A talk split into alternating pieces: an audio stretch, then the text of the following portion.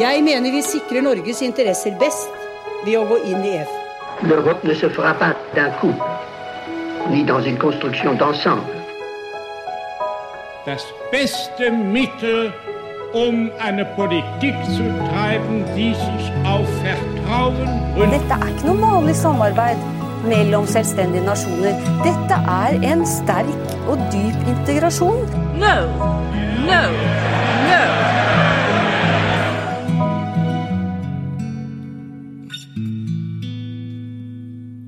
Velkommen til den sjette episoden av Det europeiske kvarter, en podkast om europeisk politikk og historie, av Lise Rye og meg, Kristine Graneng, ved Europastudier på NTNU. Den 9. mai i år, på det som er den offisielle Europadagen, så ble det holdt en seremoni eh, i Europaparlamentet i Strasbourg. Og denne seremonien det var startskuddet for det som har fått navnet The Conference on the Future of Europe, eller Konferansen om Europas framtid. Under denne seremonien så ble det holdt en del taler av representanter for EU, sånn som det ofte blir under sånne tilstelninger. Men det jeg har lyst til å peke på, det er ikke hvem som holdt de her talene, og hva de snakka om, men hva som skjedde bak dem. For de her talene de ble holdt eh, foran et bakteppe av store skjermer med masse ansikter, digitale ansikter, til innbyggere av EU som var invitert til å overvære denne seremonien. Og grunnen til at jeg har lyst til å peke på det, er nettopp den symbolske betydninga det er meint å ha. For denne konferansen om Europas framtid den er i stor grad meint som et verktøy for å involvere innbyggerne i EU i utforminga av hva det europeiske prosjektet skal være framover. Og det er det her vi skal snakke om i dag. Vi skal snakke om hva denne konferansen er for noe, om hvordan den er utforma, men også hva vi tenker at vi kan forvente oss av denne konferansen. Men først, Lise, så kan vi jo starte med å snakke litt om hva bakgrunnen for konferansen er. Hvorfor er den skjer? Bakgrunnen for konferansen er behovet for å styrke den demokratiske legitimiteten til EU-samarbeidet. Det er jo et behov som EU på et nivå alltid har hatt, men som har blitt mer prekært med krisene som har herja de siste ti-tolv årene. Krisene, og da tenker jeg på finanskrisa og flyktningkrisa, bidro til å svekke innbyggerne sin tillit til EU. Nå ser vi at tilliten går opp igjen, men det er en utvikling som har skjedd etter at konferansen om Europas framtid ble foreslått, og behovet for å bygge tillit, det er uansett stort. I samme periode, altså de siste 10-12 årene, så har motstanden mot europeisk integrasjon økt. Storbritannia har gått ut, og innbyggerne i land som vi pleide å tenke på som EU-vennlig, som for eksempel Italia, er ikke like positive til EU-samarbeidet som de pleide å være. Euroskeptiske parti, altså parti som enten vil ta sitt land ut av EU, eller som er negativ til deler av EU-samarbeidet, har hatt en blomstringstid og vi ser at store deler av befolkninga i flere EU-land ikke slutter opp om EUs verdigrunnlag, eller det liberale demokratiets verdier, om du vil. EU er som alle andre demokratiske politiske system avhengig av tillit, og konferansen om Europas framtid er et forsøk på å bygge tillit, gjennom en involveringsprosess som du kan si supplere de elementene som EU-demokratiet allerede består av, med mer deltakerdemokrati. Og på bakgrunn av det kom altså et initiativ fra Macron, den eh, franske presidenten, i forkant av valget til Europaparlamentet i 2019. Ja, Macron har skrevet et brev til Europas innbyggere som ble publisert i aviser i flere land, der han trakk fram en rekke utfordringer og muligheter for det europeiske prosjektet, og hvor han la fram ideen om en konferanse for Europa der innbyggerne skulle involveres. Etter hvert så ble også Tyskland med på å løfte fram denne ideen, før den da ble forankra i EU. Konferansen den er jo utforma på en ganske interessant måte, syns jeg. Eh, for når jeg tenker på konferanser, når jeg ser for meg en konferanse, så går jo tankene som regel til hoteller og store saler, masse folk, og gjerne over et par-tre dager.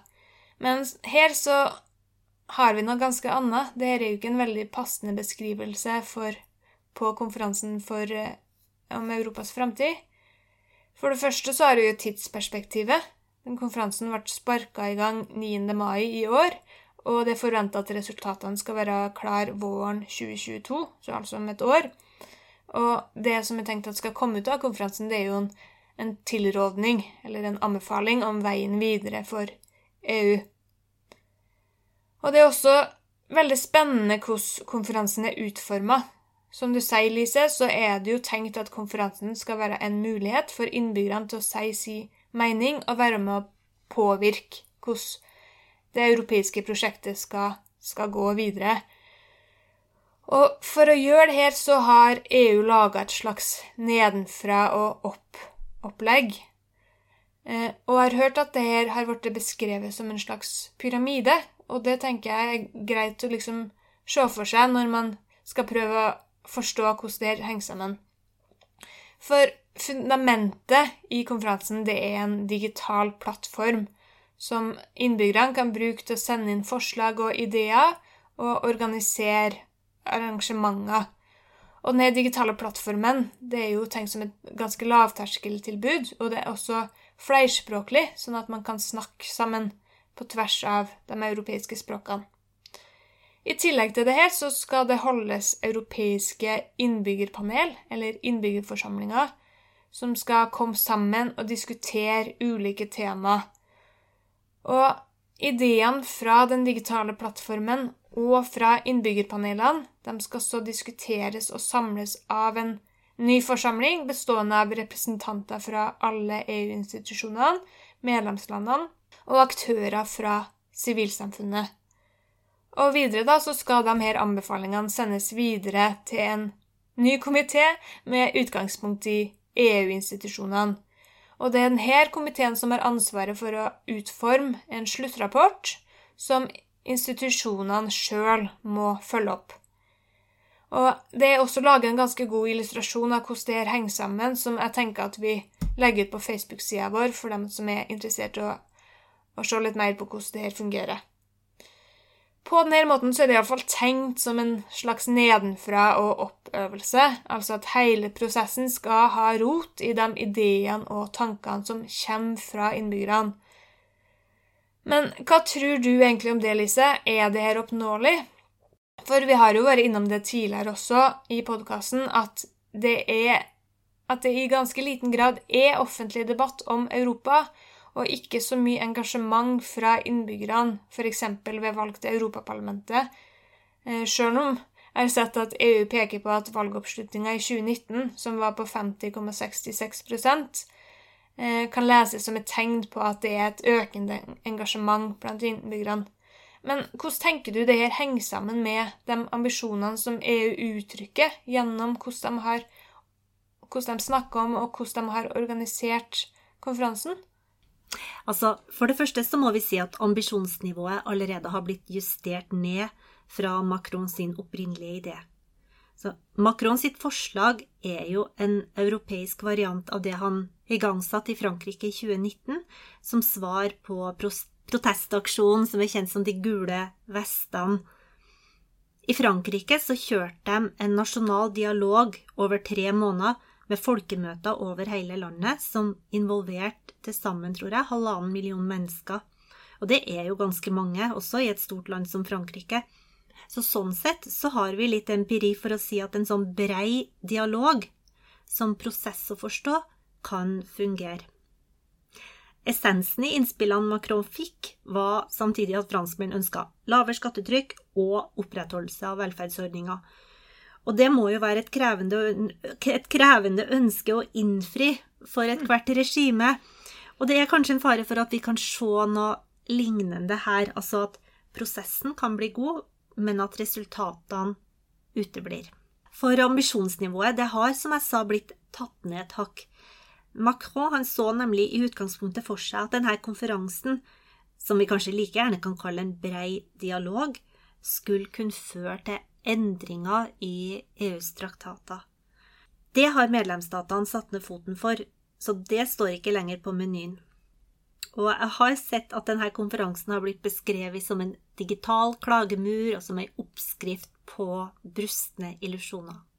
Men så kan du jo også snu på det og si at det her er en mulighet for innbyggerne til å si, si mening om hva de vil at EU skal være. Og jeg tenker vel at en mulighet med svakheter er fortsatt en mulighet.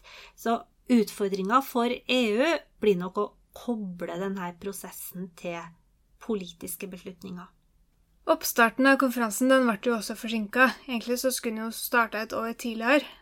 Og det gjør jo også at ambisjonsnivået må senkes, fordi det er mindre tid å gjøre ting på. Og det skjedde jo mye pga. pandemien, men det har også handla om andre ting, som hvem som skal lede konferansen, hvordan den skal foregå, og hva den skal resultere i. Og det har vært mye tautrekking mellom institusjonene, særlig Rådet og Europaparlamentet. Eksempelvis så satt medlemslandene ned foten for at Guy Verhofstadt, den tidligere belgiske statsministeren, som nå er leder for den liberale og proeuropeiske gruppa i Europaparlamentet, at han skulle lede konferansen. Men kanskje viktigst er jo hvilke føringer konferansen kan legge for utviklinga av EU framover. Og i utgangspunktet så foreslo altså Macron at konferansen ikke bare skulle være grunnlag for både utvikling av videre politikk innenfor den myndigheten EU har i dag, men også at den kunne være grunnlag for mulige endringer i traktatene, de internasjonale avtalene som er grunnlaget for EU-samarbeidet, og som bestemmer hvilke områder av politikken EU har myndighet på, og også hvem som har makt til å ta beslutninger på de forskjellige områdene, fordele makt mellom EU-institusjonene.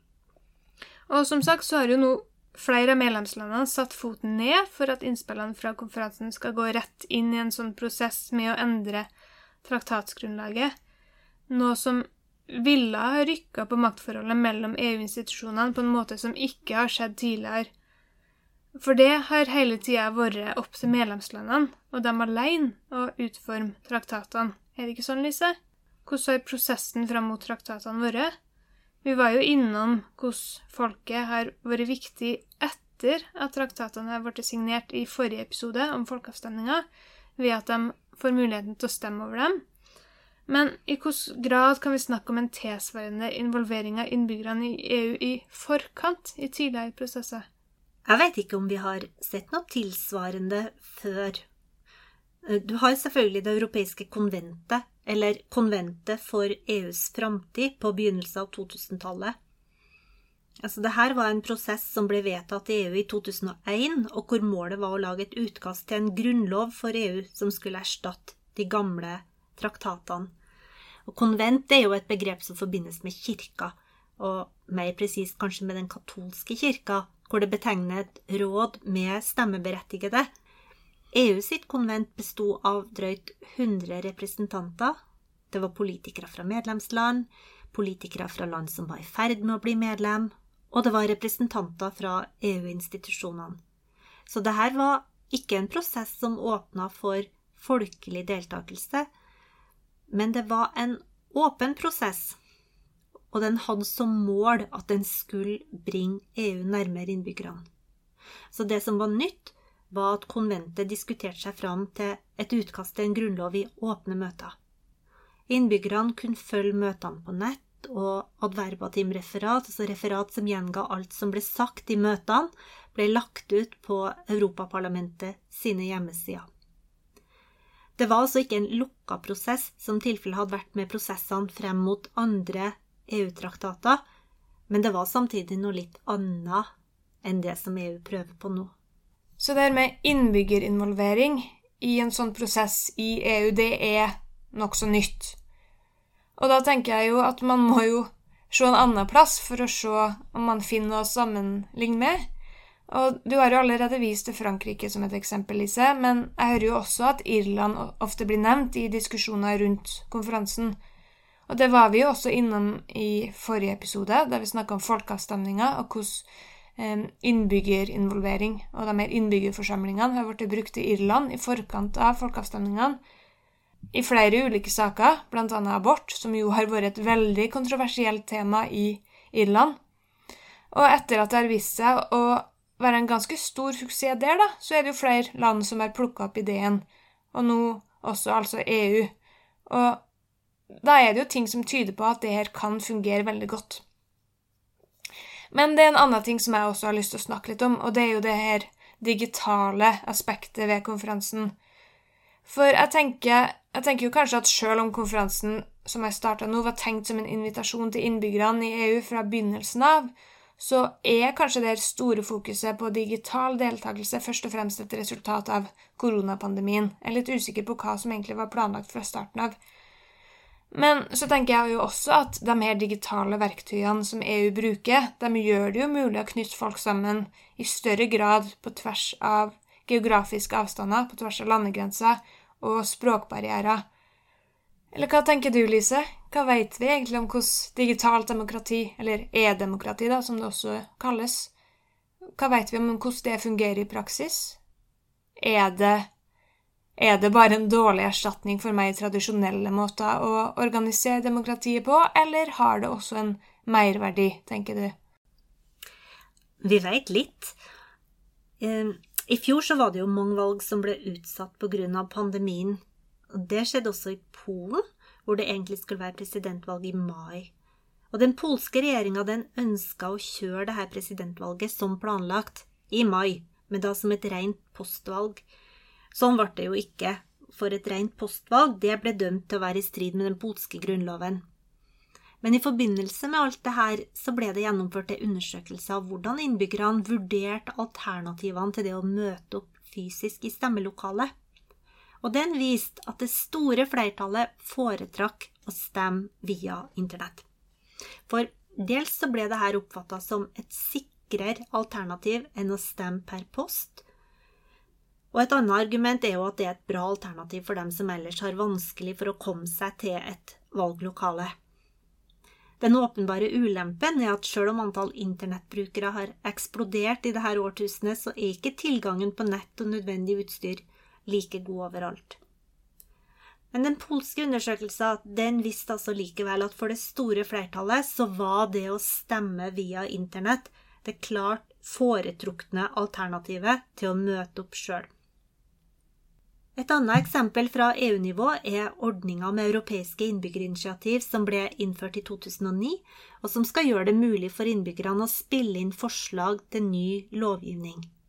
Det er en terskel her. For at et forslag skal bli vurdert, så må én million innbyggere fra sju land stille seg bak det. Og så har du det her eh, systemet med borgerdialoger, altså de her møtene mellom innbyggere og representanter for EU-institusjonene, som gjerne strømmes, og hvor man kan delta og stille spørsmål via Twitter. Forskning på deltakerdemokrati peker på at prosesser som inkluderer innbyggerne, gir økt kunnskap, aktive borgere, bedre beslutninger og økt legitimitet. Så det er med andre ord ikke veldig vanskelig å finne forskning som hevder at e-demokrati kan være en vei å gå for å styrke forholdet mellom innbyggerne og myndighetene. Men det fordrer at innbyggerne opplever at deltakelsen gjør en forskjell. Og da rører vi noe av det som gjør at iallfall jeg instinktivt er litt skeptisk til konferansen, og at den vil oppnå så mye. For det er jo en god del som tilsier at konferansen ikke vil føre til store endringer i EU-systemet, i, i, form av traktatendringer, i hvert fall som vi har snakka litt om allerede.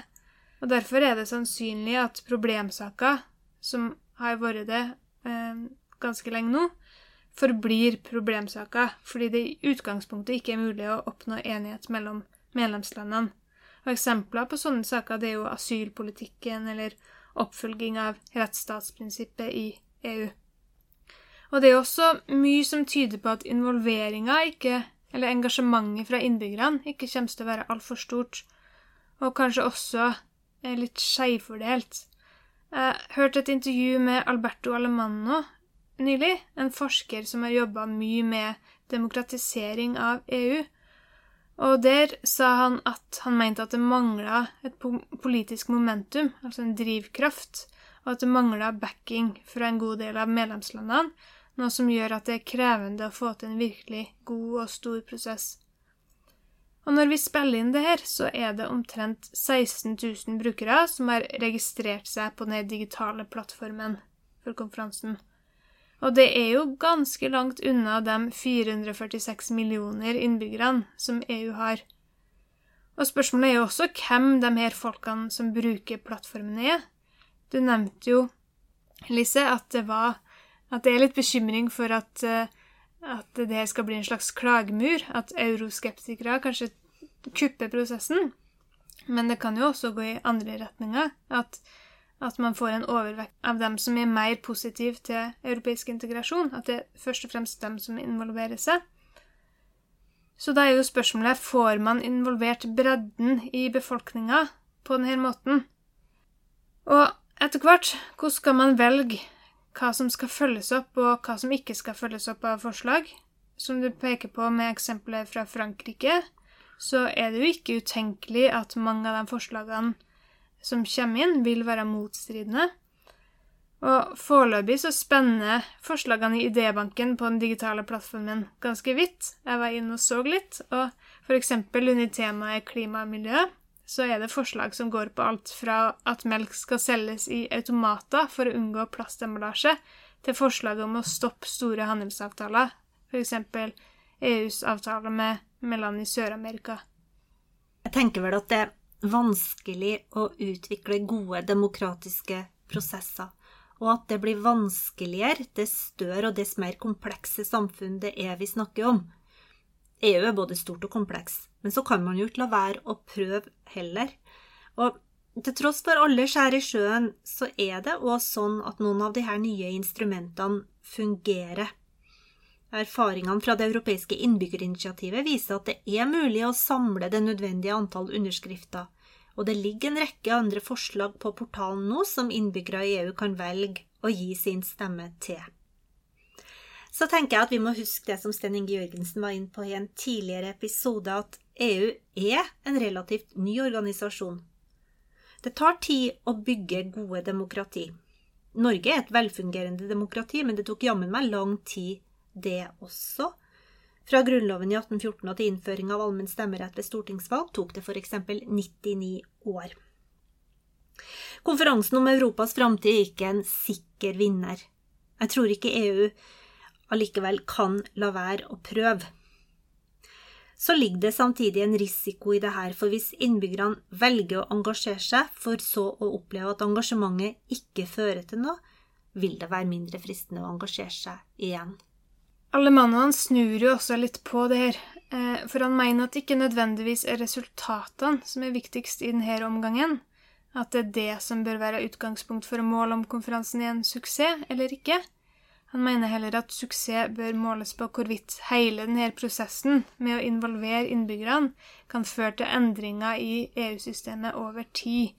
At institusjonene tilpasser seg på den måten, eller tilpasser seg denne måten å tenke på, og at man får større involvering av innbyggerne og en mer transeuropeisk samtale.